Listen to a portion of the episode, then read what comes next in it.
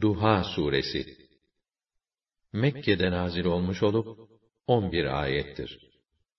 Duha güneşin kuşluk vaktindeki parlak haliyle ortalığa verdiği aydınlığa denir.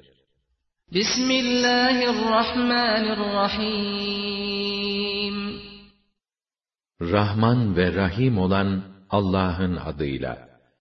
وَالضُّحَى وَاللَّيْلِ إِذَا سَجَى مَا وَدَّعَكَ رَبُّكَ وَمَا قَلَى وَلَلْآخِرَةُ خَيْرٌ لَكَ مِنَ الْأُولَى Güneşin yükselip en parlak halini aldığı kuşluk vakti hakkı için, sükûnete erdiği dem gece hakkı için ki, ey Resulüm, Rabbin seni terk etmedi, sana darılmadı da, elbette senin için her zaman işin sonu başından daha hayırlıdır.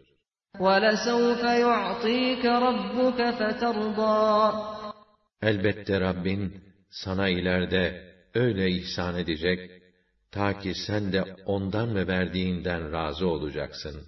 أَلَمْ يَجِدْكَ يَتِيمًا فَآوَى Seni yetim bulup barındırmadı mı? وَوَجَدَكَ ضَالًّا فَهَدَى وَوَجَدَكَ عَائِلًا فَأَغْنَى Seni dinin hükümlerinden habersiz bulup, seçerek dosdoğru yola koymadı mı? Seni muhtaç bulup, ihtiyacını gidermedi mi?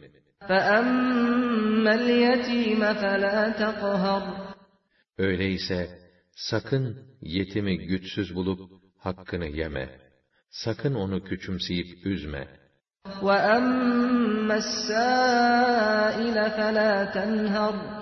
İsteyene de kaba davranma, onu azarlama.